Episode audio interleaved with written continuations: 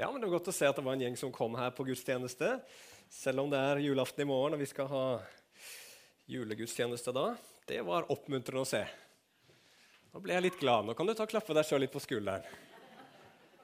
Veldig bra. Det er eh, adventstid, og julen står for døren.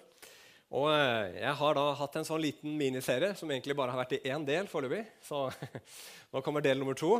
Og så kommer en sånn liten del nummer tre i morgen, og vi snakker om hvorfor Gud ble menneske. Hvorfor er det vi feirer jul? Jo, vi feirer jo at Gud ble menneske. At Jesus, eh, Kristus, Guds sønn, han kom til jorda og ble født i en stall i Betlehem. Og vi prøver å forstå hvorfor. Hvorfor det? Og Sist gang så snakka vi at Jesus kom som en profet. Og i dag så skal vi snakke om Jesu rolle som prest. Han kom for å være prest. Og hva betyr det? Jo, vi skal gå til tredje Mosebok. Jeg tror aldri jeg har talt fra tredje Mosebok i hele mitt liv før. Og det skal vi gjøre i dag. Og kapittel 4 kan dere slå opp. Og så skal vi lese fra vers 13 til 21. Tredje Mosebok 4, 13 til 21. Og som dere ser, så kommer også teksten opp på skjermen her. Der står det Hvis hele Israels menighet farer vill og synder, og dette er skjult for menighetens øyne, og de har forbrutt seg mot noen av Herrens bud som angår noe det er forbudt å gjøre, og de er skyldige, og den synd de har gjort, blir kjent, da skal menigheten komme fram med en ung okse som syndoffer og føre den fram foran åpenbaringsteltet. De eldste i menigheten skal trykke hendene mot hodet på oksen framfor Herrens ansikt. Så skal oksen slaktes for Herrens ansikt. Den salvede presten skal føre noe av blodet fra oksen fram til åpenbaringsteltet. Så skal presten dyppe fingeren i blodet og stenke det sju ganger for Herrens ansikt, rett foran forhenget. Noe av blodet skal han stryke på hornene til alteret som står rett foran Herrens ansikt, i åpenbaringsteltet. Resten av blodet skal han helle ut ved foten av brennofferalteret, ved døren til åpenbaringsteltet. Alt fettet av den skal han sette til side og lage opp i røyk på alteret. Han skal gjøre med denne oksen som han gjorde med oksen til syndofferet. På samme måten skal han gjøre med den. Så skal presten gjøre soning i deres sted, og det skal bli tilgitt dem. Så skal han bære oksen utenfor leiren og brenne den opp, slik han brente opp den første oksen. Det er et syndoffer for menigheten skal vi be. Ja, kjære himmelske Far. Her er det noe vi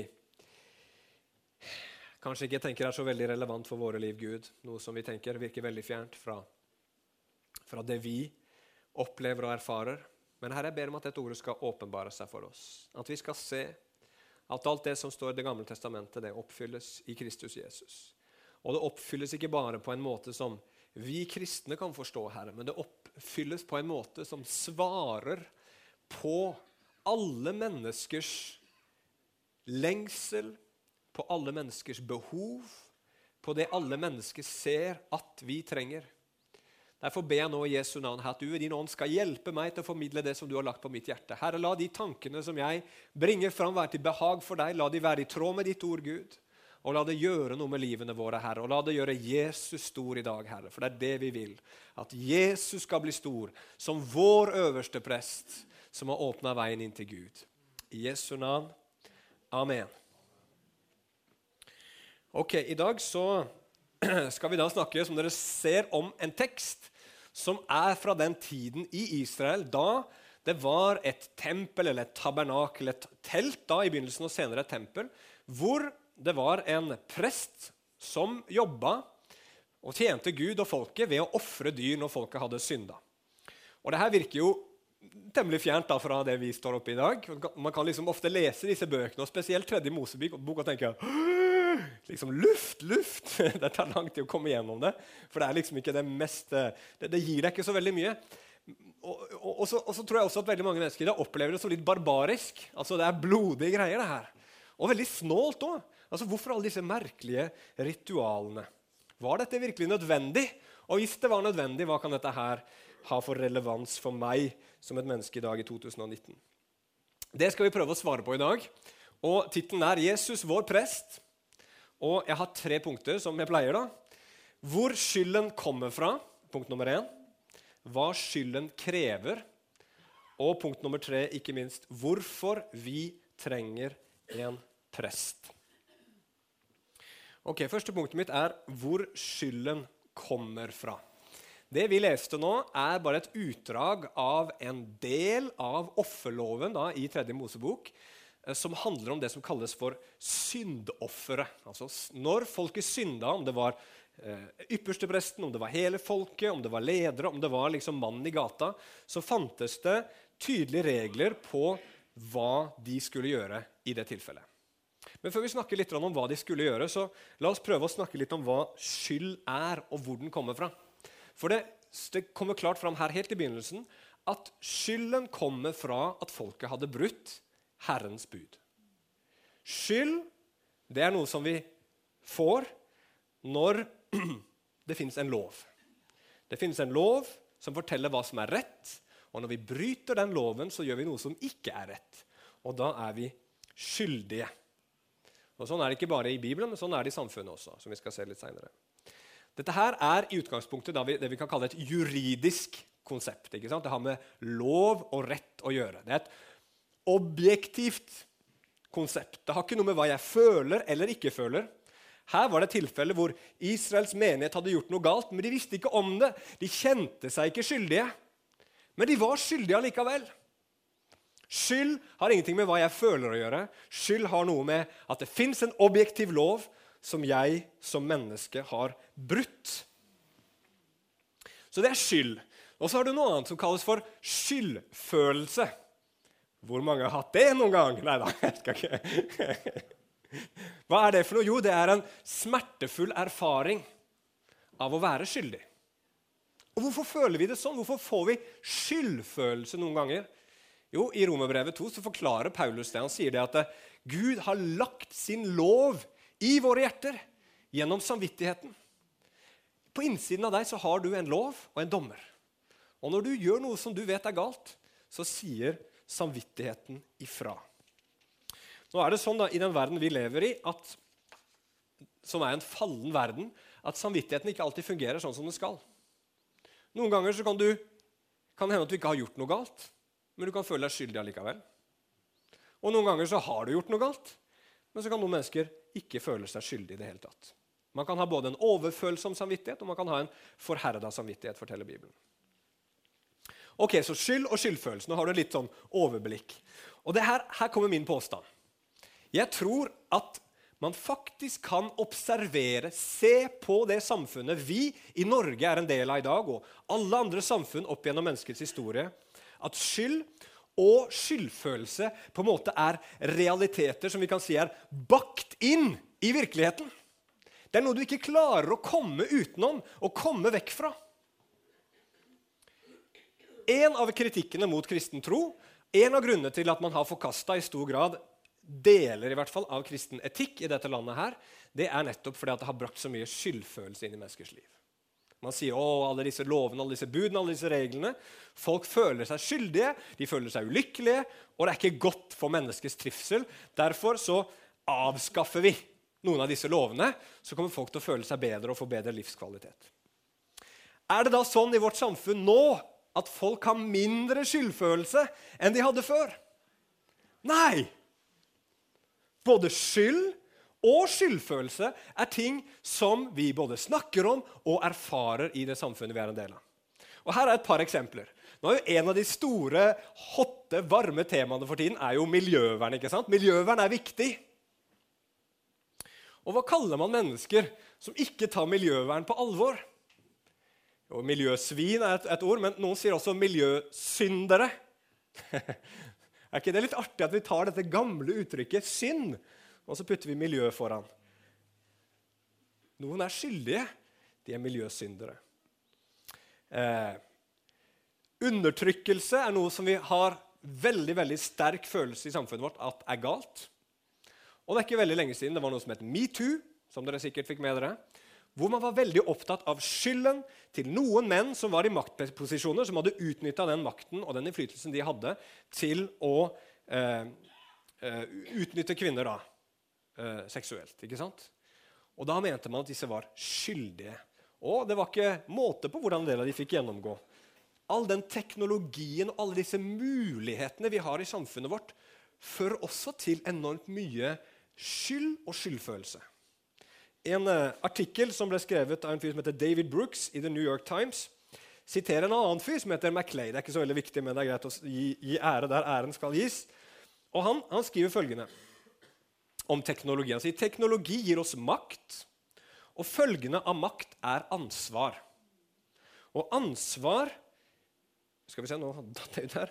Eh, ja, og ansvar det fører til skyld. Altså, har du ansvar for noe, så kan du også få skyld. Så sier han du og jeg ser et bilde av et sultende barn i Sudan. Og vi vet på innsiden at vi ikke gjør nok. så sier han videre uansett hva jeg gir til en veldedig organisasjon, så kan det aldri bli så mye som jeg kunne ha gjort. Jeg kan aldri forminske karbonavtrykket mitt nok ikke sant, med forurensning og den slags, eller gi nok til de fattige. Kolonivelde, slaveri, det som noen kaller for strukturell fattigdom, vannforurensning, avskoging Det er en endeløs liste av ting du og jeg kan holdes ansvarlig for. Og dermed også så er det mange av oss som føler på skyld i samfunnet. Stemmer ikke det? Foreldre i dag, Mange foreldre i dag kjenner på skyld. Psykologien har vist oss, og det kan jo være nyttig, at barns personlighet og barns eh, framtid og velvære i voksen alder har eh, Nå finner jeg bare engelske ord i hodet mitt. Da får jeg finne noe annet. Skal vi se. Har, ja, altså, vår oppførsel når vi er, eller Foreldres oppførsel overfor barna når de er små, har veldig mye å si for hvordan barna utvikler seg senere i livet. Det var det jeg prøvde å si. Eh, så det, vil, det, vil, det, er jo bra for oss å vite som foreldre. ikke sant? At Da kan vi jo prøve å gjøre de riktige tingene med barna når de er små, sånn at de kan utvikle seg på en god og positiv måte. Men hva når barnet da utvikler seg på en negativ måte? Hva når da barnet ikke blir sånn som man skulle ønske at barnet ble? Hva når det, barnet faktisk gjør noe veldig grusomt? Da havner en byrde av skyld og en skyldfølelse på foreldrene. ikke sant? Så skyld og skyldfølelse i samfunnet vårt det forsvinner ikke. Det er der fortsatt.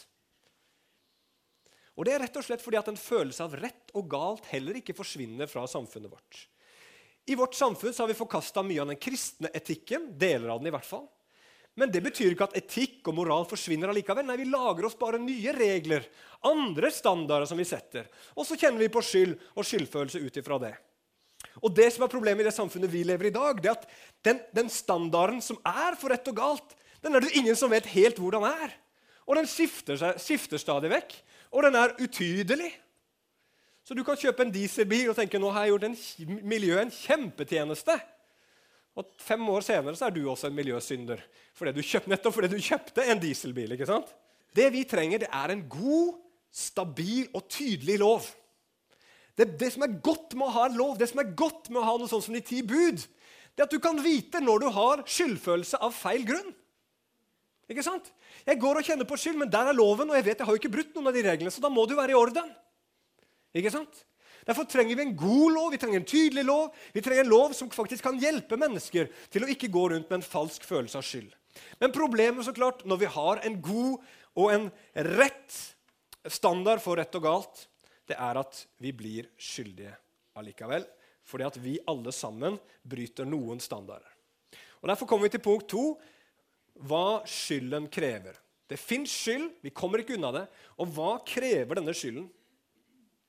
Vel, Det som vi nettopp leste i 3. Mosebok, det var at når det finnes en anerkjennelse av skyld, når man har synda, da må den sones. Synden, skylden, må sones. Og i Israel så betydde det selvsagt, sånn som det gjør i vårt samfunn, at den skyldige må dømmes i rettssystemet. Men det betydde også at man måtte gå til presten med et offer, sånn som vi nettopp leste. Og I dette tilfellet her så var det en okse, og det var det dyreste offeret som man kunne gi. Og Sånn er det i alle samfunn. Sånn er det i vårt samfunn. Og vi kommer ikke unna det at når det fins skyld, så må også skylden sones. Hele rettssystemet vårt er jo bygd opp på det. ikke sant? Og jo mer alvorlig lovbruddet er, jo mer må jo den skyldige sone for det gale han eller hun har gjort. Jo flere som har lidd, jo mer de har lidd, jo større blir kravet i samfunnet om at her må synden, eller skylden mere, sones. Vi kan ikke la den skyldige bare gå fri. Det må tas på alvor. Det må bli en konsekvens. Er vi ikke enige om det i alle samfunn? Jo, det ligger der i virkeligheten. Så skyld er reelt, og skyld må sones. Og skyldfølelse også er noe som skaper gjenkjennelige reaksjoner i oss alle sammen. Hvordan er det når du fører på skyld? Jo, for det første så har vi en tendens til å prøve å gjøre det godt igjen. Sikkert en del som kjenner seg igjen i det. Eh, jeg så en film for mange år siden. Det var en veldig rar film. Det var, og det var et, et, et, et ekstremt tilfelle av det at man ønska å gjøre noe godt igjen. Det ble spilt av han der Will Smith, som egentlig er en komiker. Men der var det en sånn seriøs rolle han hadde. da. Og Der det, viste det seg at denne hovedpersonen han hadde ved å sitte bak rattet i en bil og sende tekstmelding hadde forårsaka en ulykke hvor syv personer døde. Og Dette her plaga hans samvittighet. ikke sant? Han kjente på byrden. Og hva gjorde han? Jo, for å liksom sone og gjøre opp for den skylden han kjente på, så bestemte han seg for å ta sitt eget liv og donere organene sine til syv personer som skulle få et bedre liv pga. det. Som mangla øyne eller, eller hjerte eller sånne type ting. Og Det er et helt ekstremt eksempel. ikke sant? Men er vi ikke sånn, vi mennesker, at når vi kjenner på skyld, når vi kjenner at vi er skyldtunga, så tenker vi åh, jeg skal gjøre det godt igjen. Nå skal jeg vise alle, nå skal jeg være god. Nå skal jeg være bedre, nå skal jeg gjøre noen gode gjerninger. Nå skal jeg prøve å vise mennesker at, at, at, at jeg er god, at jeg er glad i dem. Og så, så prøver vi å liksom gjøre opp for skylden vår på en eller annen måte. Det er som en refleks i ryggmargen vår som mennesker. Eller hvis vi ikke prøver å gjøre det godt igjen, så har vi et annet alternativ, og det er syndebukken. Har dere hørt om syndebukken her? Da er det sånn at man heller legger skylden på noen andre. Man kan rense og frigjøre seg sjøl ved å peke ut en, et, synd, et, et, et syndebukk. Og den, den, personen kan, skal man fordømme, og den personen legger man skylden på. Og så liksom roper man i kor at det er dems feil, det er dems feil, og så føler alle andre seg så mye bedre for det var jo ikke deres feil. Ikke sant? Og det, Dette her viser oss både det, vår liksom, vilje til å hele tiden gjøre godt igjen, eller det til å peke på syndebukken, det er at skyld krever et offer. Altså Enten så ofrer jeg selv gjennom å gjøre gode gjerninger, gjennom å gi til de fattige, gjennom å hjelpe, gjennom å liksom ofre min tid for å gjøre godt igjen det gale jeg har gjort. Det er et offer. Eller så utvelger vi oss ved en annen person som blir offeret. Ikke sant? syndebukken. Vi fritar oss selv fra skyld ved å legge det på syndebukken. Og Dermed så havner vi selv i vårt moderne samfunn ikke så langt unna den offertanken som var veldig vanlig på den tiden her, da tredje Mosebok ble skrevet. Ikke bare i Israel, men også i landene rundt. Og selv her til lands for 1000 år tilbake så ofra man jo blod, for de som husker det fra historietimene sine, for å blidgjøre gudene. Og til og med i dette landet her så har det blitt ofra mennesker. Og Man bare visste at gudene var sint. Et eller annet var feil. det var en eller annen skyld, og visste ikke helt hva det var. Og så ofra man blod, og så skulle liksom det ordne opp i saken. Skyld krever offer. Men i samfunnet vårt så har vi liksom ikke noe sånt system. Har vi det? Vi kjenner på skyld. Og vi prøver på forskjellige måter, men vi har ikke lenger i samfunnet et system som skal hjelpe oss med den skylden sånn som vi hadde det før. For det er jo mange ting som rettssystemet ikke kan ta seg av, av våre følelser av skyld og skyldfølelse. Og selv når et menneske har blitt dømt av rettssystemet, hvis noen har tatt livet av et annet menneske, er liksom alt i orden? Er all skyld borte da man har sona i 20 år? Eller er det fortsatt et eller annet der som man ikke helt får bort? Henger dere med?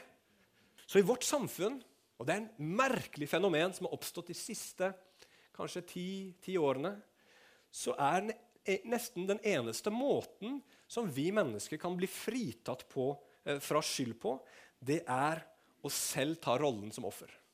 Og igjen er det jo et offerspråk. ikke sant? Man gjør seg selv til offeret.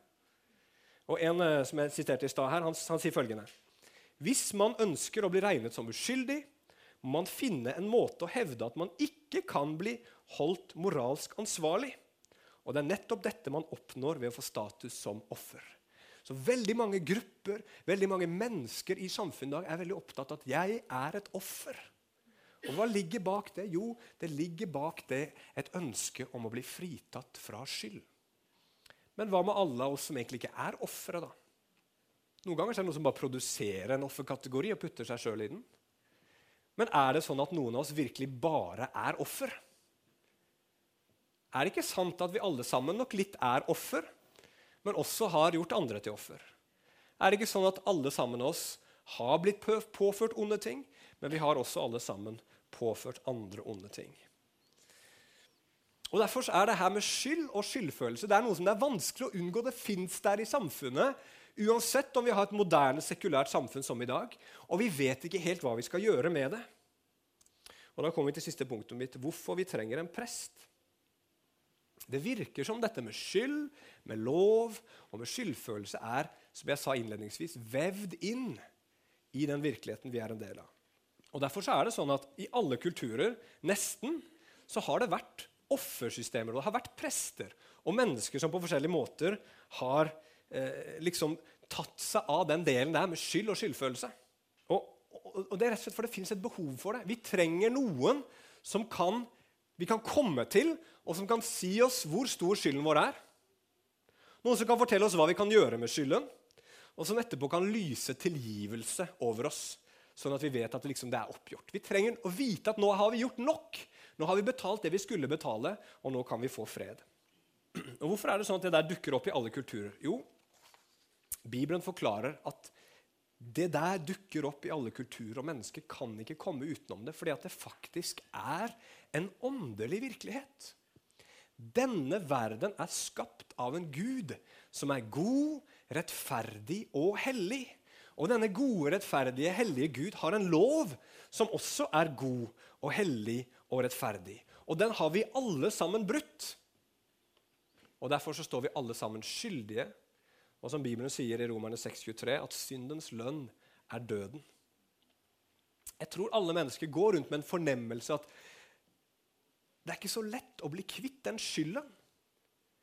Vi vet ikke helt Det er liksom som om vi ikke kan gjøre nok for å få den vekk. Og Bibelen sier at det stemmer. Det er sånn at skylden kan vi ikke få vekk på egen hånd. Og det, det, står verre til med oss enn vi tror. For vår skyld er ikke bare mot våre medmennesker, men mot vår skaper. Som vi skylder absolutt alt. Og da er jo det store spørsmålet, Hvordan kan vi få fred med Han? Hvordan kan vi få fred med Han som har skapt oss?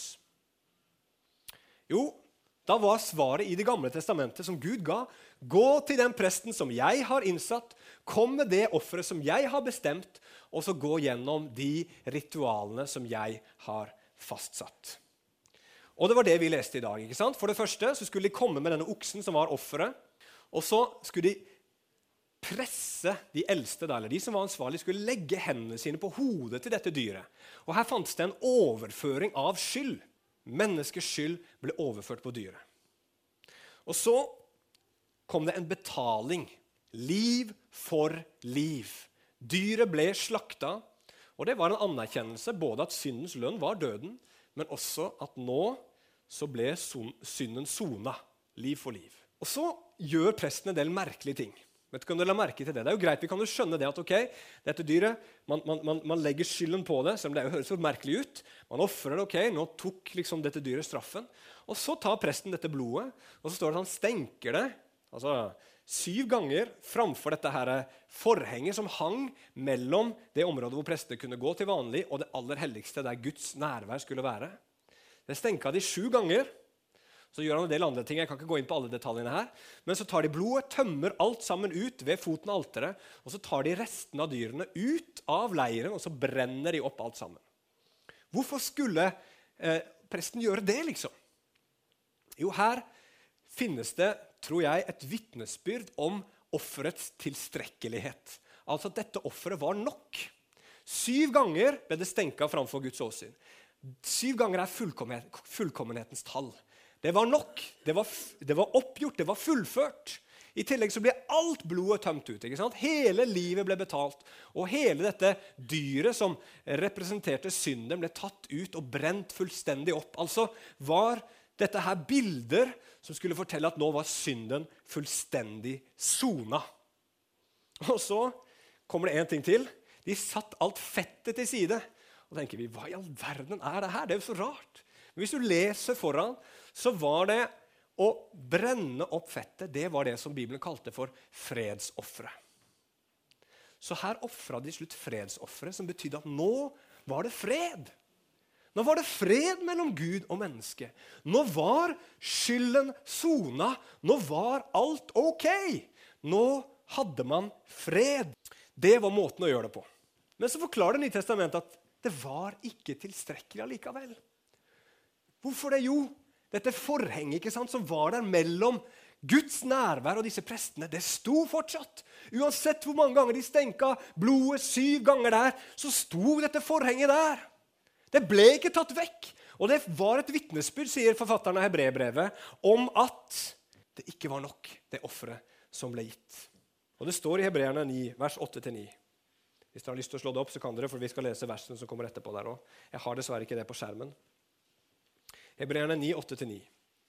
Her sier forfatteren der.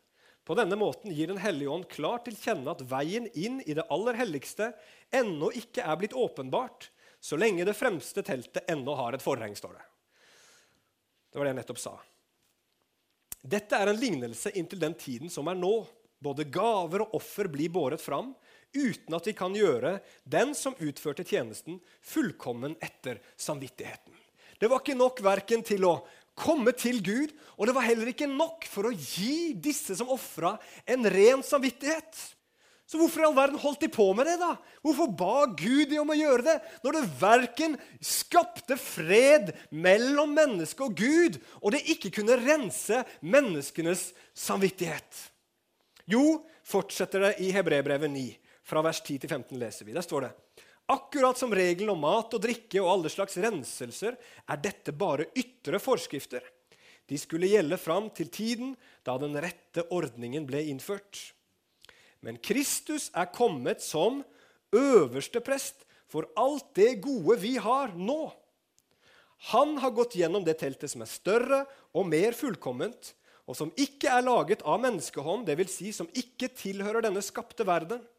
Ikke med blod av bukker og kalver, men med sitt eget blod gikk han inn i helligdommen en gang for alle og kjøpte oss fri for evig. Blodet av bukker og okser og asken av en kvige gjør hellig og ren i det ytre når det blir stenket på dem som er blitt urene. Hvor mye mer skal ikke da Kristi blod rense samvittigheten vår fra døde gjerninger, så vi kan tjene den levende Gud? For Kristus har i kraft av en evig ånd båret seg selv fram som et feilfritt offer for Gud.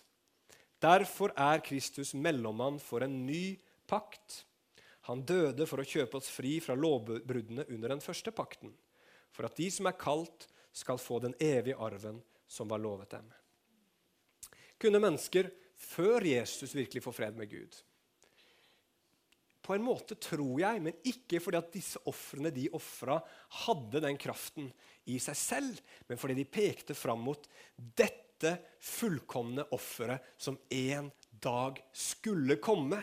Når vi feirer jul, så feirer vi at Gud ble menneske. Ikke bare for å bli prest. Jesus kom ikke bare for å bli prest som skulle ordne forholdet mellom oss og Gud, men han kom også for å være selve offeret. Han kom for å gi seg selv for oss. Og Det er veldig interessant. I tredje Mosebok der så står det at når folket hadde synda, så var det den salvede presten som skulle ofre. Og på, på, på, hebraisk så blir det Messias-presten. På gresk så blir det Kristus-presten. Den salvede presten. Det var han som skulle ordne opp når folket hadde synda. Det var den høyeste presten, det var øverste presten. Og det peker fram mot Jesus. Han er den som tok på seg vår synd. All vår synd og skyld ble overført på han. Og da sier Johannes, 'Se der Guds lam som var, Bærer verdens synd.' Han bar din synd, han bar min synd på seg.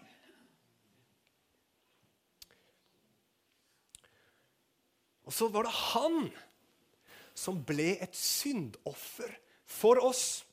I 2. Korinterbrev 5, vers 21 så står det et spesielt vers. Der står det Han som ikke visste av synd, det er Jesus, ble gjort til synd for oss, for at vi i Han skulle få Guds rettferdighet. Prøv å henge med meg nå. Det ordet der, 'han ble gjort til synd for oss', er nøyaktig det samme ordet på hebraisk som ble brukt om syndoffer i den teksten vi nettopp leste. For det står ikke i den hebraiske teksten at de skulle gjøre et syndoffer, men de skulle bare gjøre et synd, ble det kalt. Så Det betyr at det verset vi nettopp leste fra 2. Korinterbrev 5.21, det kan oversettes på den måten her. Han som ikke visste av synd, ble gjort til syndoffer for oss, for at vi i han skulle få Guds rettferdighet. Jesus ble ofra i vårt sted. Alle ofrene i Det gamle testamentet pekte fram mot at han skulle gi sitt liv for oss. Og så står det det som bare ble symbolisert ved dette offeret i tredje Mosebok, det gjorde Jesus i det fulle. For hans offer var fullkomment. Da han døde, så revna forhenget i tempelet. Nå var veien og, og, og, kommunikasjonslinjen mellom Gud og mennesket blitt åpna. Og Hebrebrevet sier det videre at hans offer er fullkomment, og det vi leste da nettopp, og en gang for alle. Og så står det så herlig i Efeserne 2, vers 14. Han er vår fred. Han er oppfyllelsen av alle fredsofrene. Gjennom Kristus Jesus så kan vi komme med all vår skyld og all vår skyldfølelse. Og så er Jesus Kristus, på grunn av det han har gjort, vår fred. Gud har tatt seg av vår skyld, og Gud har tatt seg av vår skyldfølelse. Tenk på dette her. Når Han som har skapt alle ting, og som er den som er opphavet til sin gode, rettferdige, hellige lov, og som ikke, står det i Bibelen, kan lyve når han sier 'Dette er godt nok'. Dette offeret holder. Dette offeret renser fra all synd. Nå kan du ha god samvittighet. Hvem er da vi som skal protestere mot det? Skylden er virkelig tatt bort. Og du og jeg, på grunn av Jesus, når vi har tatt imot Han og bekjent vår synd framfor Han, så har vi ikke lenger skyld på samvittigheten. Og da protesterer mange. Det er for lett. Det er for lett. Svaret er at det var ikke lett for Jesus. Det var ikke lett for Jesus. Det var Gud som ble menneske, og som forsonte verden med seg selv ved å betale en høy pris. Og når Gud har sagt det, den høyeste autoriteten i universet, hva kan da vi gjøre? Annet enn å akseptere at det faktisk er sant. Og ta imot den freden. Ta imot tilgivelsen. Ta imot den enorme nåden som det er. Kan vi da lenger si 'jeg kan ikke tilgi han', når Gud allerede har betalt for den synden og tilgitt? Kan vi da si noe sånt som 'jeg kan ikke tilgi meg selv'? Når Gud allerede har sagt det er tilgitt. Vi må bøye oss for den evige, allmektige, høyeste Gud, som har gjennom Jesus sona all skyld og tatt straffen fullkomment, og som renser vår samvittighet gjennom det Jesus har gjort. Vi kan legge det bak oss, og vi kan ta imot gaven, og så lever vi heller et rettferdig liv i hellighet og til Guds ære. Og Sånn står det i Hebrebrevet, og det skal vi avslutte med før vi går til nattverd her. Hebrebrevet 10, vers 21-25. Her står det. Og siden vi har en øverste prest over Guds hus, så la oss komme nær med et sannferdig hjerte i troens fulle visshet, etter at vi har fått våre hjerter overstenket. Her kommer bildet fra tredje Mosebok, blodet som ble stenka, og på den måten blitt renset fra en ond samvittighet og som også har fått våre kropper vasket med rent vann i dåpen. La oss uten å vakle holde fast ved bekjennelsen av vårt håp, for Han som ga løftet, er trofast. Og la oss se til hverandre for å tilskynde til kjærlighet og gode gjerninger. At vi har blitt tilgitt, betyr at vi desto mer vil tilskynde hverandre til å gjøre det som er rett og godt. Ikke for å betale, men for å vise takknemlighet og kjærlighet. Og så står det til slutt og la oss ikke svikte vår egen forsamling, slik noen pleier å gjøre. Men la oss formane hverandre, og det er så mye mer som dere ser at dagen nærmer seg. La oss komme sammen. Det at Gud har tilgitt oss alt, det betyr ikke at nå kan jeg bare leve akkurat sånn som jeg vil. Nei, at nå tilhører mitt liv Han. Nå vil jeg leve for Han. Nå vil jeg tjene Han sånn som Han vil jeg skal tjene. Og Det gir en frihet. Vi tjener ikke for å betale gjelda vår, men vi tjener fordi gjelden er betalt. I Jesu gode navn. Amen.